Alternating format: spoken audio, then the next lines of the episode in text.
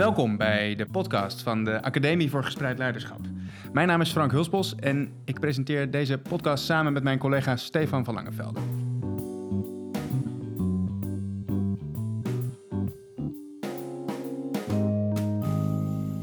Vandaag hebben we als speciale gast uh, Hartger Wassink. Hartger, van harte welkom. Ja, dankjewel. Leuk dat je wilde aansluiten bij ons vandaag. Ja, een eer om aan te schuiven hier. Ja, leuk. Wij kennen elkaar uh, eigenlijk al een hele tijd, hè? Vanuit de tijd dat je nog werkte bij de Open Universiteit. Ja. In 2012 hebben we samen een uh, rapportage geschreven over gespreid leiderschap en professionele ruimte. Een hele tijd geleden alweer. Ja. Uh, sindsdien heb je een mooie weg bewandeld, zou je kunnen zeggen. Je hebt Ja. tijd bij Nivels gewerkt, hè? Ja. En sinds december van dit jaar werk je zelfstandig als ja, adviseur. vorig jaar, sinds december 2018. Sorry. Ja. December 2018 als zelfstandig adviseur. Ja. En je doet heel veel werk met besturen en het organiseren van met name onderwijs. Hè? Met name in de onderwijssector ben je werkzaam, maar ook in sectoren als de zorg. Ja. En ook in het bedrijfsleven. Ja, een heel klein beetje bedrijfsleven is erbij gekomen. Ja. ja, ik ben adviseur voor eh, bestuur en toezicht, eh, met name in het onderwijs. En eh, ik probeer langs die kant goed onderwijs te realiseren. Precies. Ja. En sommige mensen zullen je misschien ook kennen van je boekje dat je in 2018 uitbracht. Er zijn als leider. En misschien nog wel meer van je activiteit op Twitter. Je bent eh, op Twitter heel actief. dit doet ook heel actief mee eigenlijk aan het debat over onderwijs. Hè? Ja. En dat is eigenlijk ook eh een van de aanleidingen, of misschien een belangrijke aanleiding voor ons om je vandaag uit te nodigen. Wat wij merken als we op Twitter nou, kijken, vooral, want Lezen, ik, doe, ik ja. doe minder mee dan jij. Ja. Als we lezen wat er op Twitter gebeurt en als we kijken naar het debat wat er gevoerd wordt over onderwijs, dan lijkt dat zo'n, of dan lijkt dat, dan is dat misschien wel daar een heel erg gepolariseerd debat. Je zou kunnen zeggen het gepolariseerde debat tussen aan de ene kant, ik zeg het even heel gechargeerd misschien, de mensen die het systeem volledig willen omgooien. Dat is een van de smaken die je kunt kiezen. Ja. En de andere smaak is dat je eigenlijk wilt dat alles het liefst helemaal blijft bij zoals het altijd al is geweest. Ja. En voor iemand als mij, en ik denk dat Stefan dat ook wel herkent, eh, is dat bijna een reden om ook niet meer te willen deelnemen aan het debat. Mhm. Omdat je, ja, ik voel me niet helemaal thuis in het ene hokje, maar ik voel me ook niet helemaal thuis in het andere hokje. En ik denk ook niet dat het zo simpel zwart-wit is. Nee. En wat ik aardig vind, of heel goed vind eigenlijk zelfs, aan hoe jij deelneemt aan het debat, is dat je wel degelijk een opvatting hebt over waar het met het onderwijs heen moet. Daar gaan we het trouwens ook uitgebreid over hebben vandaag. Maar dat je ook probeert om eh, ja, de verbinding te zoeken tussen die beide eh, perspectieven. Tenminste, zo, Ja. als ik jou volg, Nou is dat een beetje de interpretatie die ik maak van hoe je deelneemt aan het gesprek. Ja. Is dat, klopt, heb ik dat trouwens goed gezegd? Ja, nou dankjewel voor het compliment. Het is, het- ik doe wel mijn best om ehm, het, het gesprek op een zorgvuldige manier eh, te voeren. Ehm, ik heb zelf wel een bepaalde mening, dat klopt. Maar ik ben ook gewoon echt heel benieuwd. Ik probeer me te verplaatsen in waar de mening van andere mensen vandaan komt. Dus de, de, de- zo ehm, fel als ik soms kan zijn, eh, zo fel zijn andere mensen over een andere mening. En dan denk hey, daar moet iets onder zitten, een bepaalde overtuiging. Nou, daar wil ik me in verdiepen. Ik wil weten waar dat vandaan komt. Want pas als we dat van elkaar weten, wat je bronnen zijn, dan kun je elkaar leren begrijpen. En dan kun je ook kijken, ja, hoe kun je daar samen uit? Want je moet er uiteindelijk samen uitkomen, want onderwijs is, is, is van ons allemaal. Ja. En, ja. Zou je kunnen zeggen dat als dat debat zo gepolariseerd blijft, hè, en als het steeds moeilijker misschien wordt om elkaar te vinden in verschillen, dat dat ook vernieuwing en verbetering van het onderwijs in de weg staat? Of gaat dat dan te ver? Dat gaat mij te ver. Ik ben erg optimistisch eigenlijk. Eh, ik zie in de scholen waar ik kom heel veel hele mooie ontwikkeling. Dus ik ben in, eigenlijk in de praktijk ben ik behoorlijk optimistisch. Want ik, ik zie gewoon dat er mooie dingen gebeuren. Eh, het is ook maar een hele kleine minderheid van leraren die op Twitter zitten. Dus aan 90% van de leraren gaat al die felle Twitter-debatten gewoon voorbij. Ja. Dus dat is eigenlijk ook wel gewoon heel geruststellend. Ehm, en kijk, onderwijs ontwikkelt zich gewoon door. En het, het, het is niet alleen in het onderwijs, het is ook in de rest van de samenleving. Hè, de Tweede Kamer die heeft eh, meer eh, partijen dan ooit. Eh, we kunnen nu in de krant lezen over de laatste partij die ook alweer eh, aan het versplinteren is. Dus we vinden het sowieso in de maatschappij moeilijker om met verschillen in meningen om te gaan. En dat, ja, dat als we een spoel door naar het onderwijs, hè, eh, dat heeft het onderwijs ook last van. eh, dat we daar ook lastiger vinden om, het, om met verschillen in meningen En wat is dan precies die, welke, welke lat? Want je zegt het gaat te ver om te zeggen dat dat onderwijsverandering of vernieuwing tegenstaat. Want dat gebeurt, als hè, jij komt in scholen en Nou, dan zie je dat Ja, natuurlijk toch dagelijks gebeuren. Maar wat is dan precies de last die we hebben? Los van de last die Stefan en ik hebben als we op Twitter kijken dat we denken, oh daar gaan we weer. Wat is de last die we Het in het onderwijs ja, hebben van het feit dat het zo'n zwart-wit debat lijkt te zijn. Nou, het grootste probleem, en dan praat ik uit mijn perspectief, en dat, dat wil ik nog even vooraf zeggen, en voor dit eh, eh, gesprek. Kijk, ik praat vanuit mijn perspectief, want ik kan niet anders dan vanuit mijn perspectief praten. En ehm, wat ik merk is dat zodra je met je eigen perspectief komt, dan vindt natuurlijk iedereen vindt er wat van. En dan rolt iedereen daar overheen en dan mag je dat alweer niet meer denken. En dan voor je het weet is het een gesprek over persoonlijke ja, intenties in plaats van over de inhoud. Dus ik ga proberen in dit gesprek me wel persoonlijk uit te spreken. Ehm, en tegelijkertijd hoop ik dat, dat het een bijdrage aan de inhoudelijke kant van het gesprek is. En dat het niet weer leidt tot nog meer persoonlijke ehm, ja, vetus, eigenlijk. Goed, dat vooraf. Eh, de last die ik ervan heb, eh, is dat wij niet in staat zijn om een, een goed gesprek over goed onderwijs te voeren. Eh, en dat is wel nodig, omdat eh, onderwijs in Nederland gebaseerd is op het idee dat het goed is dat iedere groep zijn eigen onderwijsvorm kan realiseren. Dat hebben we in de 19e eeuw met de grondwet hebben we dat eh, vastgelegd. En daar is 1917 de financiële vrijstelling, eh, gelijkstelling bij eh, gekomen.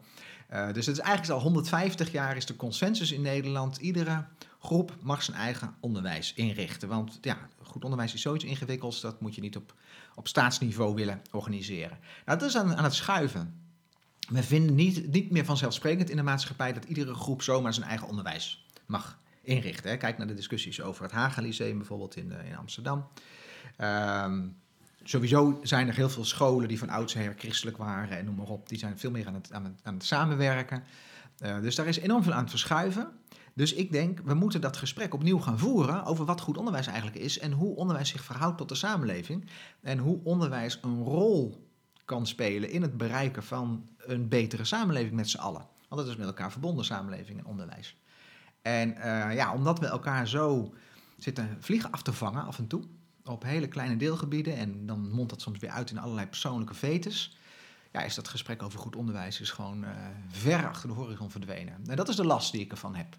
En ik denk, dat is dan gewoon wat ik me aanmatig. Ik denk, daar hebben we allemaal last van. Ik vond dat het lerarentekort bijvoorbeeld is voor mij een min of meer gevolg van dat probleem.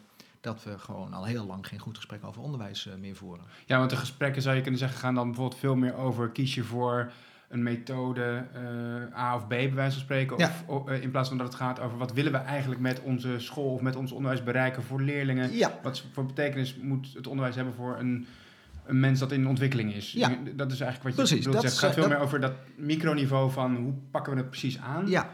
ja, en wat is effectief is dan de vraag. Ja, maar wat, dus- en wat is het effect wat je beoogt? Ja, nou ja, wat is effectief? Zo van waar gaan leerlingen beter van leren? Het is nu sinds een paar weken moeten we plotseling weer naar Portugal kijken. Dat zeg ik wat badinerend, bedoel ik niet zo. Maar het, het woord Portugal was jarenlang niet gevallen. En nu plotseling de afgelopen weken zie je dat er iets in Portugal gebeurd is... wat blijkbaar heel erg leerzaam is. Maar je merkt dat het dan gelijk heel erg scherp wordt. Eh, jongens, eh, in Portugal doen ze het beter, want Portugal komt beter in... nou, in een van de PISA of PIMS is dat dan geloof ik... eh, naar boven dan andere landen. Dat is dan de maat. Dus eh, Ja. zoals ze in Portugal, Portugal het curriculum hebben vernieuwd, is beter, want ze halen een hogere score op een test voor 15-jarige leerlingen die een bepaalde subset van eh, rekensommen uit zitten te voeren. En ik zou heel graag dat gesprek daarover willen. Vinden wij het- resultaat dat 15-jarige leerlingen op een bepaalde rekentest eh, eh, halen, vinden we dat een goede maat voor goed onderwijs? Of zijn er nog meer dingen? Dat is het gesprek wat je liever zou voeren Ja. naar aanleiding van het Portugal-voorbeeld Ja, dan hoe gaan we nu precies zoals Portugal ons onderwijs inrichten? Of wat moeten we doen om meer zoals Portugal te worden? Ja, hè, of wat, wat ook weer eh, onder vuur ligt, is de kunskapskolan. Hè, die, die Zweedse onderwijsvernieuwing, die nu een jaar of wat zal het zijn, vijf of tien of zo eh, opgang eh, doet. Waar een aantal Nederlandse scholen ook mee bezig zijn. Nou, nu blijkt dat op allerlei scholen het het toch minder goed doet dan gedacht.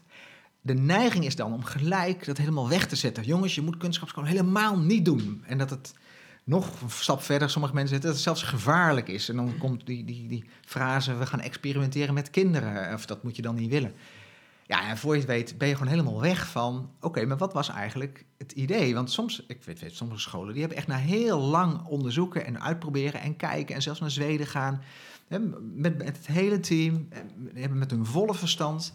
hebben ze gekozen, kunskapskolen... dat lijkt ons echt de beste manier om onze school in te gaan richten.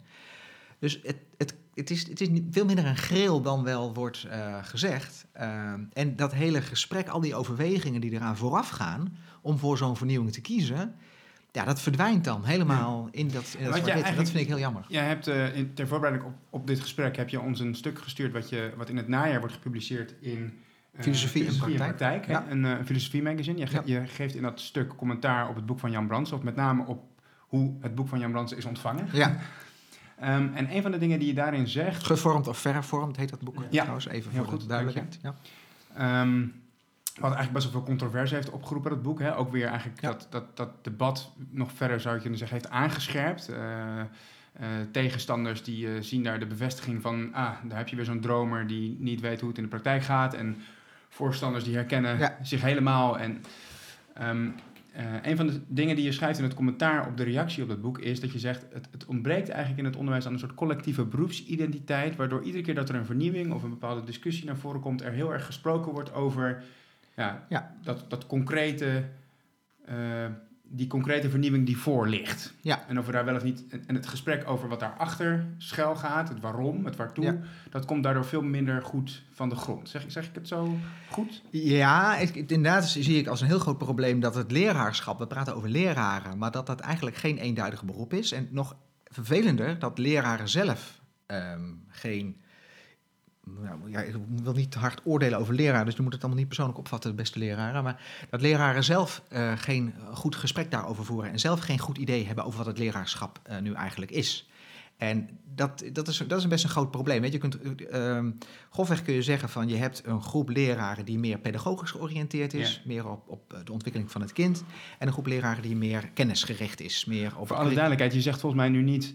Eh, eh, om, je- om je een beetje te helpen om leraren niet tegen de schenen te schoppen. Volgens mij zeg je niet, leraren weten individueel niet waar ze voor staan. Nee. Maar leraren he- hebben moeite, tenminste, het is volgens mij wat je Ja. bedoelt te zeggen, om met elkaar het gesprek te voeren Ja, over dankjewel. collectieve identiteit. Precies. Volgens mij is dat wat je bedoelt te zeggen. Dat is wat ik bedoel te zeggen. Ja, Waarmee je dus niet zegt van je leraar die nu luistert, jij snapt niet waar jij voor staat. Nee. Of jij hebt geen opvattingen over Nee. hoe je je werk doet. Ja. Maar als groep is het lastig om het gesprek met elkaar te voeren en ook daarin tegenstellingen met elkaar. Ja. Zoals de tegenstelling tussen meer Precies. pedagogisch georiënteerd of meer kennis. Dat is volgens mij wat je bedoelt te ja, zeggen. dat bedoel ik te zeggen. Ja. Ja. En omdat dat niet opgelost wordt, of dat gesprek onderling niet goed ge- gevoerd wordt, is er eigenlijk geen ja, eh, gezamenlijke identiteit, is er ook geen gezamenlijke beroepsgroep. Ehm, en kunnen leraren ook niet op een gezamenlijke manier ehm, het gesprek aangaan met de rest van de samenleving over nou ja, wat er in het onderwijs zou moeten ontwikkelen, of beter gezegd, wat er er zich al aan ontwikkelen is. En hoe zich dat verhoudt tot wat de samenleving vraagt en verwacht van het onderwijs. En ehm, dan ja, is het heel wisselend wie daar als eh, eh, gesprekspartner van de leraren wordt eh, gevraagd. Eh, ja, welke kant het gesprek dan, eh, dan opgaat. Want je was net, eh, toen onderbrak ik je, Ja. en toen zei je van, ja, je hebt eigenlijk grofweg heb je een groep die meer pedagogisch Ja. georiënteerd is en een groep die meer, hoe moet ik het zien? Kennisgericht, Kennis, leerstofgericht, Kun je, kun je ja. uitleggen wat je met die twee oriëntaties, Nou, zeggen, bedoelt? Ja, het is natuurlijk altijd, altijd zwart-wit tussen alle nuances. Ja. Maar de, Nee, ene groep leraren, hè, dan is het prototype daar. Meer, de ene heeft meer associatie met het een misschien en de ander meer associatie met het, met het ander. Zou, je- zou je het zo kunnen zeggen? Ja, precies. je iemand helemaal in de ene hoek of helemaal in de andere Ja, hoek zou ja. willen Dus het, het, dit is ook trouwens, dit is een onderscheid wat in heel veel onderzoek al heel Ja. lang naar voren komt. Dus het is iets wat ik uit de lucht pluk, maar dit, dit, dit, dit kom, kom je op veel plekken eh, tegen. Eh, de ene leraar zal zich veel meer identificeren met het, een stuk kennisoverdracht. Zo, want het gaat erom dat ze vooral goed wiskunde leren, of goed Frans leren, of eh, goed geschiedenis leren, of goed leren spellen en rekenen, om het daar maar even op de basisschool te betrekken. En je zult hebben een groep leraren die zich veel meer identificeert van, met van eh, een leerling moet zich goed ontwikkelen. Die moet zich eh, zelfverzekerd voelen, die moet aan zelfvertrouwen eh, winnen, zodat hij later sterk in zijn schoenen staat en zichzelf kan gaan redden in de wereld. En ehm, het lijken tegenstellingen, maar het hoort bij elkaar. Mhm. Hè, het, het, gaat, het een gaat niet los van het andere. Ehm, en dat vind ik eerlijk gezegd ook wel heel sterk aan het boek van Jan Bransen. ehm, dat hij dat ook laat zien, dat je aan zelfvertrouwen kunt winnen, juist doordat je zeker bent over de kennis die je hebt. Dus als jij bepaalde kennis hebt over rekenen bijvoorbeeld, en je ziet dat jouw leerkracht een fout maakt op het bord, dan kun jij met een bepaalde zelfverzekerdheid die leerkracht wijzen op de fout die op het bord gemaakt wordt. Dus zelfvertrouwen en kennis hoort bij elkaar en je moet aan beide ja, moet je, eh, moet je werken. Dus daarin zit een bepaalde, eh, ja, zeg maar, eh, moet ik het dan zeggen, dubbelheid, dubbelhartigheid in het beroep van leraar, ehm, die we gek genoeg dus in het gesprek over onderwijs eh, ja, eigenlijk voor, voor mij eh, te weinig naar voren brengen. Want dat is ook. Eigenlijk zie ik daar ook wel raakvlak mee met het, het, het bredere debat wat gevoerd wordt over onderwijs. Je zou kunnen zeggen, die twee kampen, die onderscheiden zich misschien op precies dezelfde manier. Je hebt het kamp die wat meer pedagogisch Ja. in die hoek zit. Die zegt van, we, we zouden onderwijs veel meer moeten toerusten, eh, of eh, kinderen moeten toerusten in zelfvertrouwen, Ja. het ontdekken van hun eigen talenten en interesses. En die zeggen van, we willen meer gewoon kennis bijbrengen, een goede basis voor de toekomst. Dat is precies dezelfde opdeling. Ja. Eigenlijk. Ja? Ehm, maar dan zijn we alweer hokjes aan het maken. Ja, en dat vind ik ook een beetje tricky, want het is dus ook zo van, ja, kijk, ik, ik wil best zeggen, ik zit denk ik dan nog wel meer in het vernieuwershoekje, want ik vind dat we echt wel wat dingen aan het onderwijs kunnen, kunnen verbeteren. Eh, maar het betekent niet per se dat ik tegen kennis ben of zo. Eh integendeel, ik, eh ik Nee, eigenlijk met wat je, met wat je net zegt, zeg je juist eigenlijk dat die twee heel erg duidelijk met elkaar Ja. verbonden zijn en allebei onderdeel zijn Ja. van de ontwikkeling van een kind en daarmee Ja. onderdeel Ja, zijn van je vak. het ingewikkelde is ik, ook weer persoonlijk. Hè? Ik vind persoonlijk, als ik kijk naar mijn eigen eh, schooltijd en ook naar eh, nou ja, ook wat ik lees, laat ik niet alleen maar op mijn eigen eh, ervaringen afgaan. eh, dat de nadruk, eh, zeker in de middelbare school, veel te veel ligt op feitenkennis. Dat, dat denk ik, persoonlijk.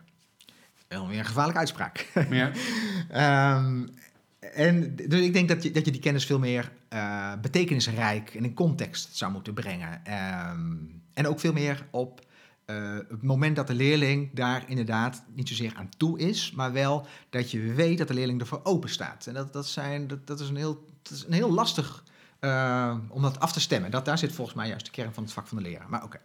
Ehm, het betekent niet dat ik tegen kennis ben. Integendeel, ik ben heel erg voor kennis. En tegelijkertijd vind ik dat de manier waarop heel veel scholen nu met feitenkennis omgaan, die vind ik niet goed, persoonlijk. En Maar dat er is, zit, dus, er, dat is zit er waarschijnlijk bij jou ook een opvatting achter van waartoe het onderwijs, eh, waar het onderwijs aan zou moeten bijdragen, waartoe het onderwijs er is. Ehm, ja, dat. En ook dat ik, dat ik zie dat het onderwijs. kijk, ik ben organisatiepsycholoog van achtergrond. Ik, ik vind dat het onderwijs heel inefficiënt georganiseerd is, het middelbare onderwijs. Ehm, er zit een soort utopie-ideaal achter. Dat je dus groepen leerlingen eh, van ongeveer dezelfde leeftijd in een, een gelijk rooster op een gelijk moment telkens de gelijke kennis kunt bijbrengen die je op een gelijk moment gaat toetsen. En als kinderen daar maar een heel klein beetje van afwijken, hè, als jij dus een 4 haalt op een toets in plaats van een 6 eh, en je haalt iets te veel 4, nou voor je het weet eh, moet je blijven zitten en lig je een jaar achter. En dat, dat, het is zo ontzettend Ja. inefficiënt, want het je- zorgt voor allerlei organisatorische problemen. Nou, dat is eigenlijk Maar je zei aan het begin van het gesprek van Ja. doordat, doordat dat eh, debat zo gepolariseerd is Ja. en vaak gaat over wat we precies, hoe we het precies doen in de klas, bij wijze van spreken, eh, gaan we voorbij aan de vraag waar, waartoe is het onderwijs? Wat is eigenlijk de bedoeling? Als jij die vraag voor jezelf zou moeten beantwoorden, wat zou je dan wat zou je daarover zeggen? Wat, wat, wat, wat, wat, dat is natuurlijk een hele brede vraag, maar wat zijn voor jou echt belangrijke dingen Ehm, waar het onderwijs een bijdrage aan zou moeten leveren? Ja, ik heb daar geen eenduidig antwoord op. Eh, dat ontwikkelt zich ook. Ehm, ik vind het heel belangrijk dat eh, leerlingen leren zich tot anderen te verhouden in de samenleving. En verantwoordelijkheid te nemen voor hoe zij zich tot anderen verhouden in de samenleving. Dat klinkt super abstract, maar volgens mij, ja, ik zou er niet meer dan dat over kunnen zeggen. Eh, de wereld is een samenleving, we leven met, met andere mensen. Niemand kan in, in zijn eentje leven, dan, dan maak je het niet lang. Eh, dus je hebt het met elkaar te doen. En eh, nou, wat een probleem, mensen verschillen. Ehm, Mhm. Dus je moet met die verschillen leren omgaan. En Ja. jij moet iets voor anderen kunnen betekenen. En, en jij moet nagaan hoe jij je zo kan opstellen dat die ander iets voor jou kan betekenen. Dat is voor mij waar je in het onderwijs een bijdrage aan zou moeten leveren. Mhm.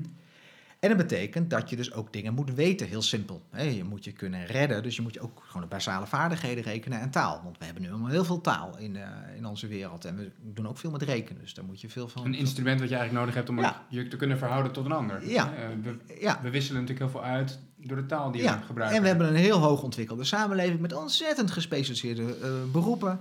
Dus het is heel handig dat jij je op een gegeven moment ergens in gaat specialiseren, zodat je een bepaald taakje kunt hebben in die geweldige complexe samenleving. En dat je daar goed een rol kunt vervullen. En tegelijkertijd moet je je nog steeds ook met, tot anderen kunnen verhouden. Want anders wordt het maar een zootje als we daar allemaal geen verantwoordelijkheid uh, voor nemen.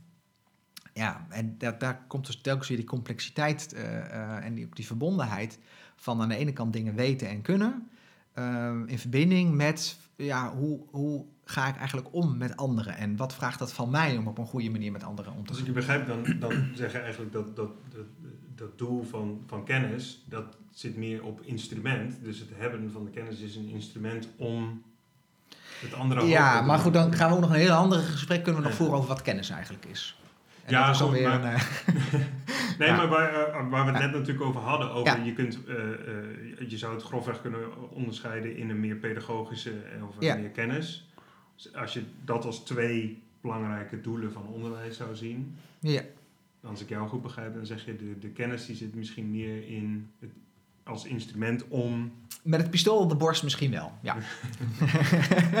maar tegelijkertijd denk ik van je kunt het niet. Je, moet het niet, los je kunt het niet losknippen. Want dat heeft dus heel erg te maken met wat kennis is. Ja. Maar daar ga ik niet op in, want als ik, als ik daarover begin te praten, dan. En zie je dan op dit moment dat er.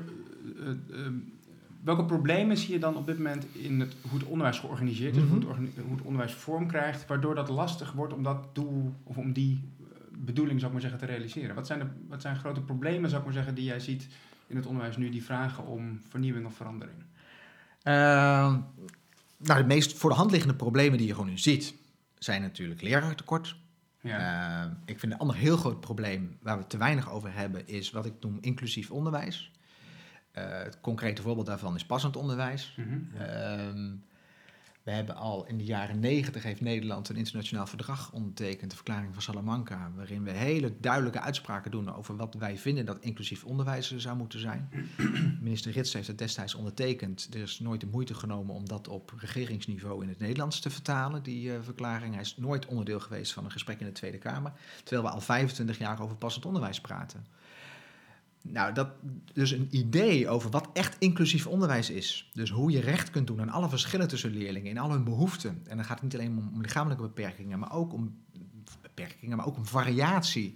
Tussen mensen? Tussen mensen, ja. dus hoe mensen zich emotioneel ja, opstellen. Uh, en wat we dan gedragsmoeilijkheden noemen. Uh, hoe je daar uh, recht aan kunt doen. Nou, dat vind ik echt een, een fundamenteel gesprek wat ontzettend ontbreekt op dit moment. Dus dat, ja. eigenlijk als je het hebt over wat is het grootste probleem, dan denk ik dat als we daar nou eens een heel goed gesprek over zouden voeren, dat zou echt enorm veel uh, andere bijkomende problemen, denk ik, uh, ook mee kunnen nemen. Want hoe zou je dan, uh, kom ik toch even terug op die beroepsidentiteit hè, waar je het over ja. had, van dat,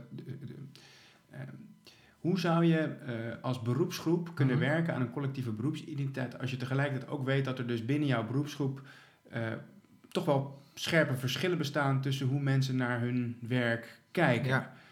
Um, jij zegt heel terecht dat die twee oriëntaties, zal ik maar zeggen, de meer pedagogische en de meer kennisoriëntatie, dat die alle, he, twee kanten van dezelfde medaille zijn. Die horen ja. allebei bij je werk, maar tegelijkertijd zijn er wel degelijk verschillen in de praktijk. Dat zie je ook ja. als je op scholen komt, dat, er, dat zie je op Twitter inderdaad in het debat, dat er grote verschillen zijn tussen dat, dat dat debat soms ook hoog kan oplopen. Hè? Hoe zou je nou zo'n gesprek kunnen omdraaien, waardoor het een meer constructief gesprek wordt, waardoor je elkaar meer ontmoet en waardoor je meer dus mm-hmm. komt ook tot die vragen, die grotere vragen die eigenlijk uh, daarachter schuil gaan, zoals ja.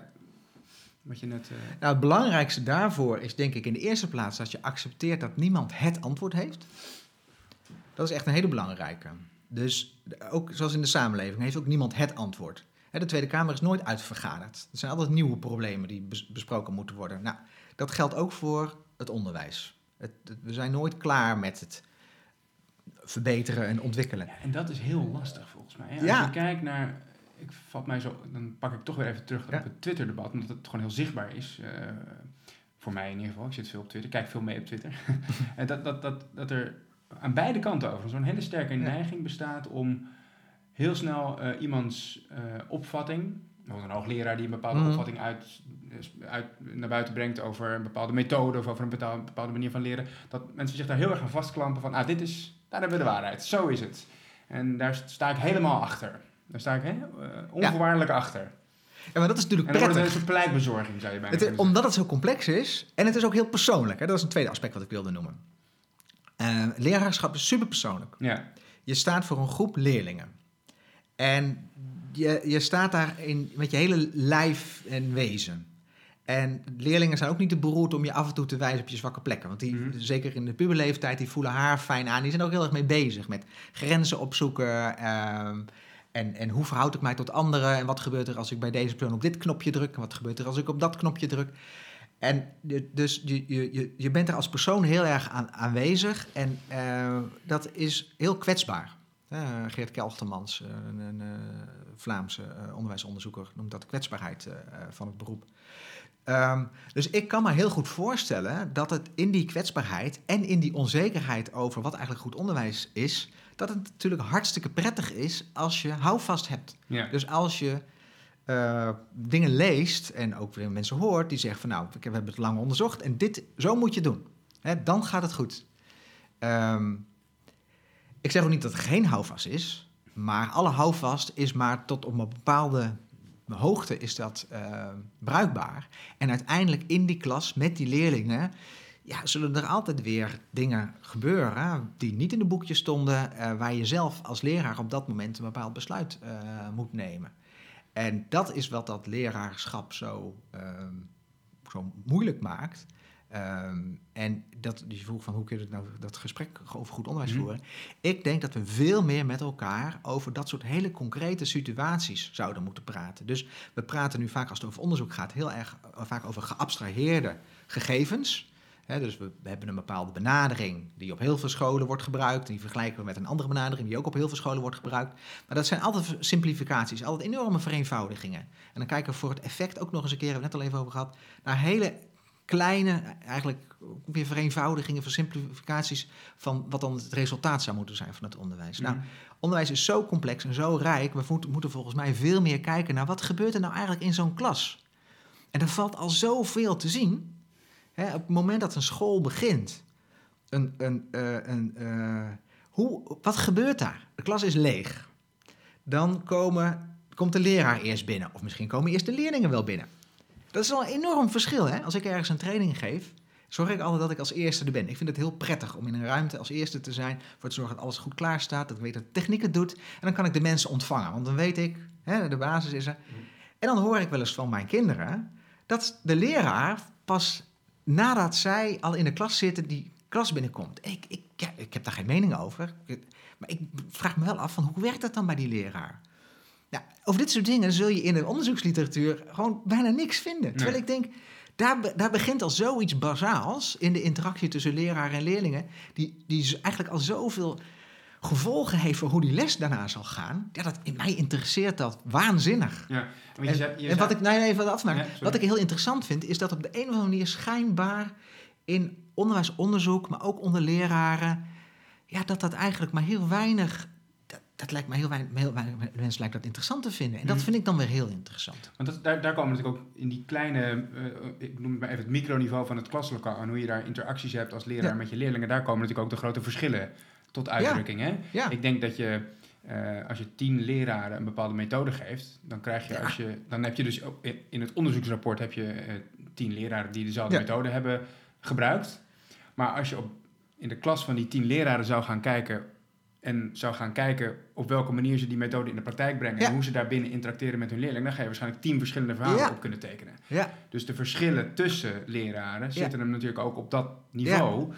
Eh, en ook binnen het gebruik maken van eenzelfde soort methode. Of Ja. binnen het, het werken van, eh, Ja. het geven van dezelfde les. Of Ja. het werken binnen dezelfde school enzovoorts. Hè? Ja. Dus daar kun je natuurlijk ook de verschillen heel erg gaan vinden. En daar kun je ook de uitwisselingen over de verschillen Ja. met elkaar hebben, zou je kunnen zeggen. En, en dat, in dat soort situaties kun je bijna alleen maar onderzoeken door heel gedetailleerd naar ja, dat soort concrete voorbeelden, voorbeelden te kijken. Dus praktijksituaties. Je kunt dat fenomenologisch bekijken. Je kunt zeggen van we moeten meer verhalen vertellen. eh, of kwalitatief onderzoek. eh, gooit allemaal maar op een hoop, dat soort benaderingen. Maar voor mij gaat het erom, we moeten veel rijker kijken naar wat er daadwerkelijk in onderwijssituaties gebeurt. En we moeten daarin ook veel meer de individuele, persoonlijke eh, intenties en overwegingen van leraren moeten we daarin mee in ogenschouw nemen. Want dan, dan krijgen we pas zicht op ja, wat er eigenlijk eh, in die klasse eh, gebeurt. En ook hoe die leraren zich dan ook op die meer persoonlijke aspecten van hun werk zich ook kunnen ontwikkelen. Ehm, we hadden even over beroepsidentiteit. Ehm, de, de ene kant van de professionaliteit van leraren zit heel erg op de, wat je dan noemt instrumentele professionaliteit. Ja.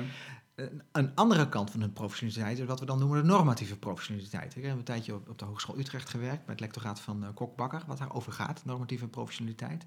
En ook daar was ik weer verbaasd over dat er eigenlijk maar zo weinig over die hele belangrijke kant van het leraarschap bekend is. En sterker nog, dat er een soort schroom is om het daarover te hebben. Over... Kun je eens toelichten? Ja. kun je die beide, die Ja. beide eh, kanten, Ja. voor degene die daar niet zo bekend mee zijn, de beide kanten van die professionaliteit even toelichten. Wat is instrumentele professionaliteit en wat is normen? Dat Nou ja, dat- wat ik heel interessant vind, noem eens een voorbeeld. ehm, pff, eh, ehm, nee, het schooljaar begint en dan is er zo'n gevleugelde uitdrukking: eh, Don't smile till Christmas. Don't smile till Don't Christmas? sm- smile till Christmas. Dat is een, dat is een, Dat is een uitdrukking. Ja, ja, je moet streng zijn. Oh, eerst manier. als Ja, ja. leraar, Ah, eerst alle regels toepassen. Ja. En eh, nou, als de leerlingen die regels, eh, als er een beetje discipline is, dan kun je wat vriendelijker worden. Dan kun je de touwtjes een beetje laten vieren. Kun je- ja. Ah, oké, die kende ik natuurlijk. Ja. En ehm, aan de ene kant is dat, snap ik dat. Instrumenteel gezien is het, is het handig om duidelijk te zijn over de regels die je hanteert. Tegelijkertijd is, zit daar ook een normatieve vraag onder. Ehm, waarom zou je heel streng willen zijn op regels? En ook weer, welke uitzonderingen ga je maken op die regels? Want er is geen leraar die tot kerstmis consequent voor al zijn of haar leerlingen dezelfde regels op dezelfde manier gaat toepassen. Dat zou waarschijnlijk niet gaan werken. Dat gaat gewoon niet. En dat weet Ja, iedere leraar. Hè, je hebt regels en de les is nog geen half uur eh, onderweg. Of je hebt al een uitzondering op een regel gemaakt. En dat is niet, dat is niet erg, want zo complex is nou eenmaal... als je met 30 mensen in een ruimte zit van 30 vierkante meter... ja, hallo, dan moet je wel een beetje schipperen. Maar goed, dat schipperen, daar zit dus dat normatieve. Bij wie maak je wel een uitzondering, bij wie niet? Het gaat over waarde, het gaat over rechtvaardigheid bijvoorbeeld. Gaat over je Gaat eigen persoonlijke Ja. geschiedenis, je opvattingen over... Ja, want jij en- als leraar... Nou, een, concreet voorbeeld. Ehm, een leraar in opleiding die eh, wilde een uitzondering maken voor een leerling die ADHD had...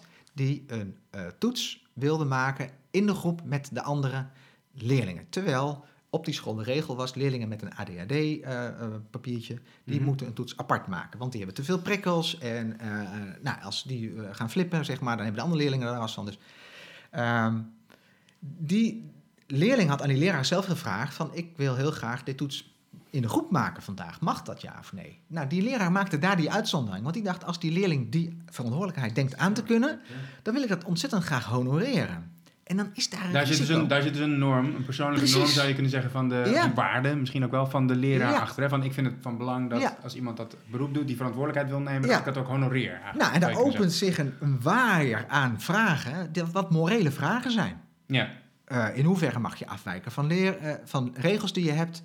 In hoeverre ehm, is het bevorderen van verantwoordelijkheid van leerlingen belangrijk? belangrijker dan eh, de, de, de, de, de gemiddelde eh, cijfer eh, die de leerlingen binnen mijn klas halen Ja. voor deze toets. En Zou hoe verhoudt zich het individuele belang van deze leerling tot het collectieve belang van deze groep? Ja.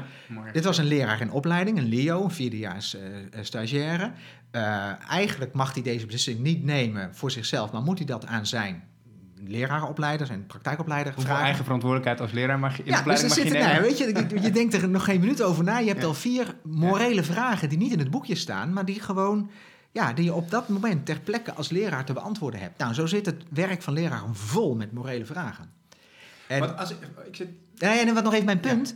Ik vind dat daar, en dat is een oordeel van mij als persoon, dat daar te weinig aandacht voor is in de lerarenopleiding. Nou, nu krijg ik weer vijf mailtjes van mensen. Nee, dat doen we heel veel in de lerarenopleiding. Ik, ik denk dat dat echt nog steeds te weinig En veel belangrijker, ik vind dat dat aan de beroepsidentiteit niet af te zien is. Dus er, als jij leraar wil worden, dan denken mensen, oh, dat gaat over kennis en dat gaat over klassenmanagement.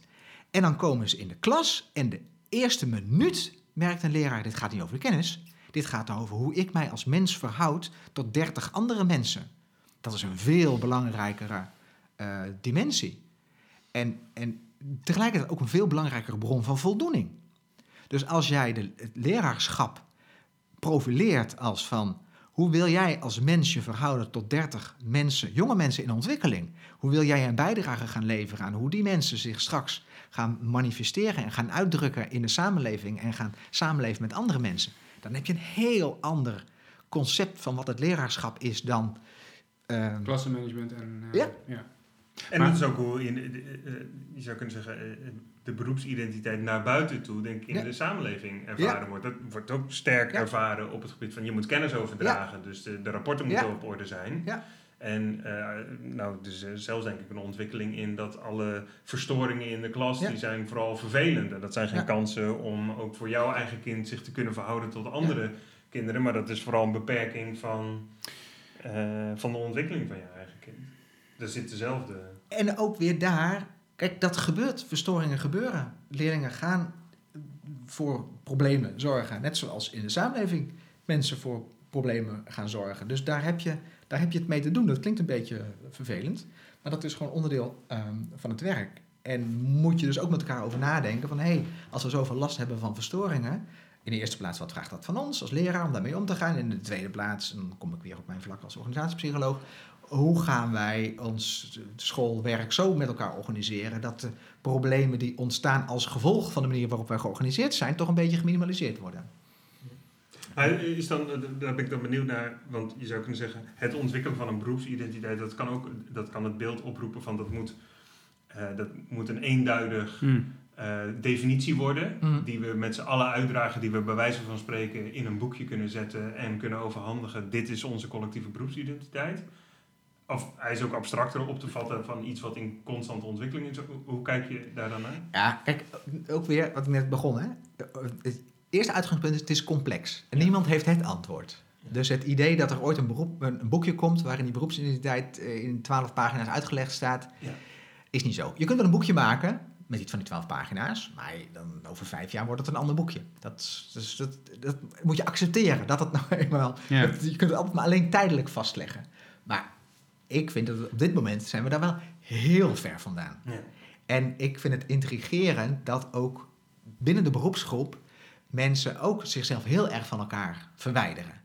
Dus de gemiddelde bovenbouwleraar HAVO-VWO zal vinden dat hij een heel ander beroep heeft dan de gemiddelde kleuterjuf, om maar even die eh, clichés eh, te blijven.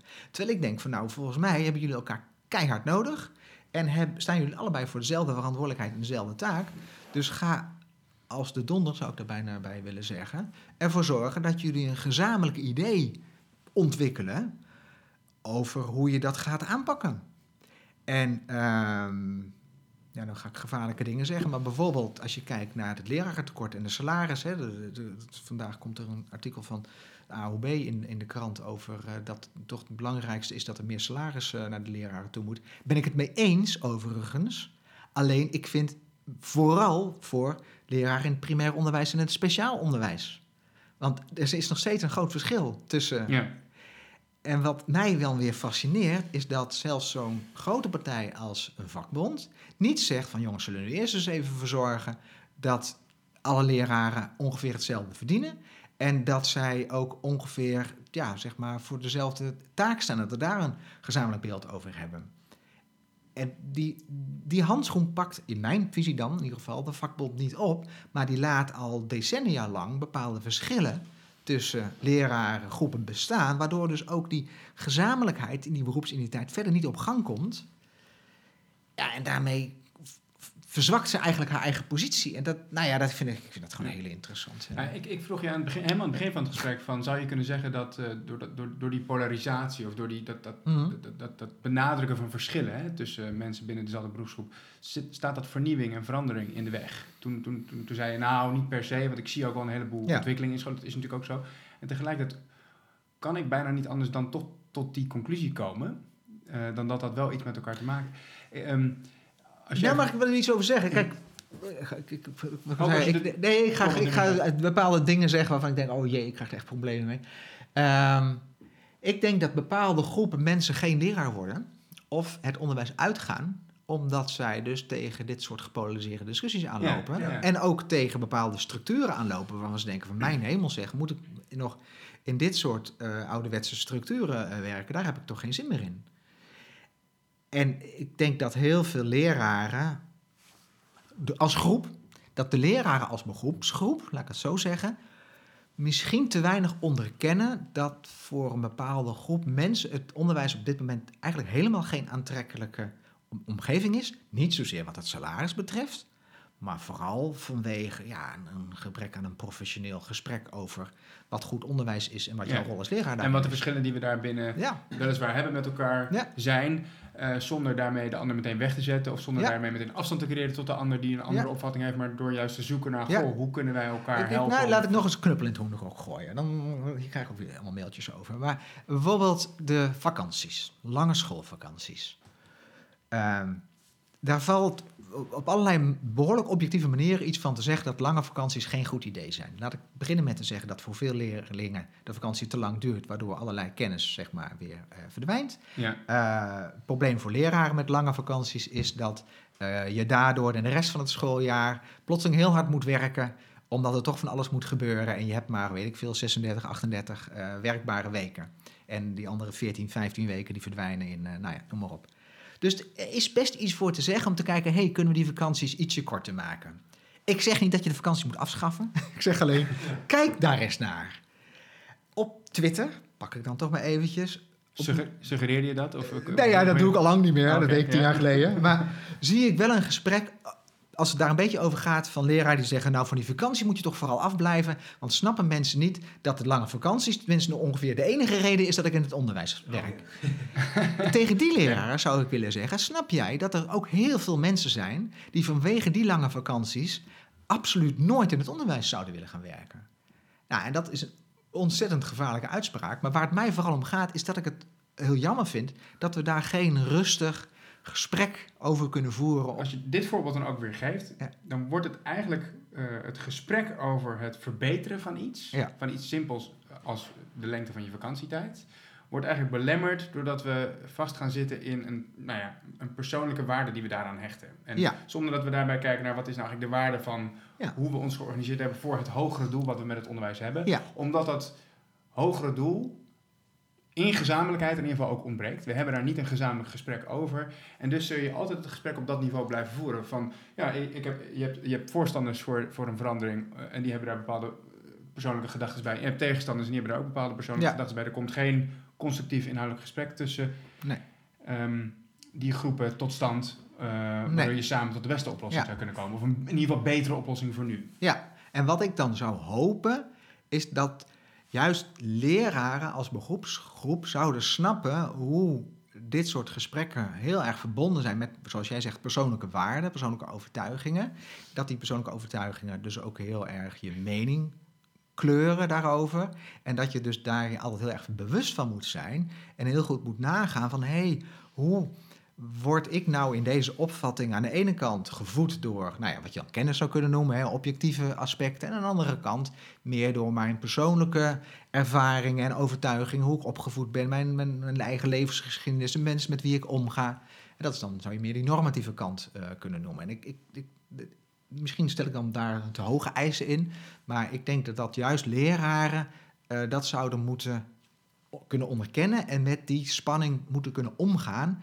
En nog één stapje verder misschien ook zelfs, naar, zeker naar hun leerlingen toe, eh, kunnen voordoen, kunnen voorleven hoe je dus met die verschillen omgaat. En ook met die spanning tussen wat je persoonlijk voor jezelf vindt en ja, wat andere mensen vinden en hoe je met die verschillen omgaat. En je zou ook nog kunnen zeggen, eh, eh, op het moment dat er nieuwe collega's binnen de school komen, heb je ook naar hun toe een bepaald voorbeeld of een bepaalde Ja. houding aan te nemen die eh, die persoon die nieuw is eh, het gevoel geeft, ah, je bent welkom, ook jouw ideeën doen ertoe. Ook als ik een verschil van mening heb met jou, ben Ja. ik nieuwsgierig naar jouw mening en vind ik het de moeite waard om daarover van gedachten te wisselen. Ja. En dat zullen lang niet alle nieuwe leerkrachten altijd zo ervaren, denk ik op. Dat is misschien ook een gedachte Ja, weet ik mij, niet. maar dat, Durf- ja. of, nou, laat ik het anders zeggen. ja, kijk, Op het ik- moment dat je daarin te ri- rigide blijft, dan wordt, het, eh, dan wordt het voor nieuwe collega's misschien ook lastig om, dat, om die openheid, zou ik maar zeggen, te merken binnen de school. Ja, en wat ik heel belangrijk vind in ieder geval, is ook dat je dus als school, als groep collega's, ik vind het ook altijd lastig om over school te praten, want wie is de school? Eh, maar als groep bestaande collega's vind ik het ontzettend belangrijk dat je je dus realiseert om mensen op een goede manier te introduceren in je school.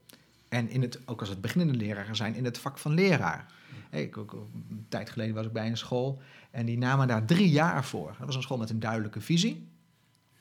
Eh, die zochten ook heel gericht leraren die in eerste instantie voor die visie kozen. En daarna keken ze ook naar van kloppen dan de bevoegdheden. Ook weer gevaarlijk om daarover te praten. Maar goed, ze zeiden we vinden het heel belangrijk dat die leraren snappen op welke manier wij hier onderwijs willen maken met elkaar en met de leerlingen. En vervolgens werd er een, programma voor die leraren opgezet van drie jaar.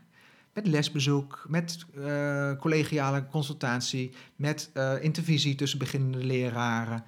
Omdat ze zeiden van ja, pas na drie jaar kun je zeggen van oké, en nu weet je voldoende en heb je voldoende ervaring opgedaan in deze school om zelfstandig als leraar uh, te kunnen werken. Dus het gaat mij er vooral om dat je, dat, dat je daar bewust van bent, van hoe die processen werken en dat je dus ook als, als, als professionele gemeenschap die je bent als school, uh, dat je over nadenkt, hoe gaan we daarmee om? Ja, en als ik ook goed hoor, dan daar dus bewust activiteiten, om ja. zo te zeggen, op organiseren. Want dit is een voorbeeld wat gaat over natuurlijk een, een nieuwe leerkracht en een soort inwerkperiode zou je het kunnen noemen. Maar ik kan me voorstellen dat er zijn veel meer voorbeelden. Gewoon organiseren wij met regelmaat, in welke vorm dan ook, het gesprek hierover. Ja. Ik vond het ook wel interessant wat je noemde over die concrete voorbeelden of die concrete situaties in de klas. Ja. Dat lijkt me ook typisch iets wat je goed kan organiseren als school. Dat we daarover gaan hebben met elkaar. Ja. Wat, wat doe jij wanneer wij binnenkomen? En niet om een goed en fout vast te gaan stellen. Nee. Van, oh, jij komt pas binnen wanneer de klas er is. Maar om eens te gaan onderzoeken,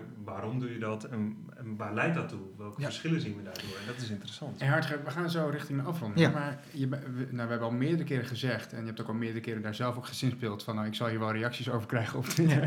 Eh, je bent een actieve twitteraar, dus eh, dit, dit debat gaat natuurlijk niet ophouden nadat wij deze podcast eh, hebben opgenomen. Maar hoe zou jij, als je dan een- aan de luisteraar van, deze, eh, van dit gesprek een appel zou mogen doen, hoe zou je dit gesprek over dit vraagstuk, dus over het, het, het onderwijsdebat wat zo gepolariseerd Mhm. lijkt, hè, waar we het over hebben gehad, en het, de- ja, eigenlijk het pleidooi wat jij houdt voor een gesprek over wat betekent het nou eigenlijk om leraar te zijn, hoe zou je dat gesprek hierna op Twitter en daarbuiten graag willen voortzetten? Welk appel zou je willen doen aan de luisteraar om dat gesprek op een goede manier te blijven voeren? Ehm,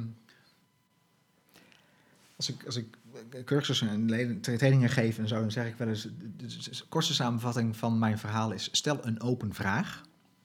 Dat is een duidelijk appel, in ieder geval. Ja. Dus op het moment dat je ergens op wil reageren... ehm, vertaal je reactie in een open vraag. Dat is, dat is denk ik het belangrijkste Ja. appel. Ja. Ook weer, voor de derde keer ga ik dan zeggen... accepteer dat er geen ui- eenduidig eh, antwoord is. Dat niemand het antwoord heeft. Eh, en in de derde plaats probeer zicht te krijgen op ehm, het onderscheid tussen wat jouw persoonlijke mening is en waar je met elkaar verantwoordelijkheid voor een gezamenlijke doelstelling en een gezamenlijke opbrengst van het onderwijs eh, kunt dragen. Ja. En wat is jouw bijdrage in die gezamenlijkheid? Dat, is, dat vind ik het, eh, het belangrijkste. Wij vonden het heel leuk om je te gast te hebben. Dank voor je inzichten. En mensen kunnen je volgen via het Het hartgewassing. Hartgewassing, gewoon heel simpel. Heel simpel. Hartgewassing. Ja. Eh, om het gesprek hierover voor te zetten. Ja. Nou ja, dat gaat nog voort. Dat gaat zeker gebeuren, hoeven wij helemaal niet eh ons zorgen te maken. ja, ik ben ook erg benieuwd naar reacties. Dus, eh, Ehm, dank jullie wel. Graag gedaan. Ehm, dit was eh, een nieuwe aflevering van podcast van de Academie voor Gespreid Leiderschap. Met Frank Hulsbos, ikzelf en Stefan van Langevelde. Tot de volgende keer.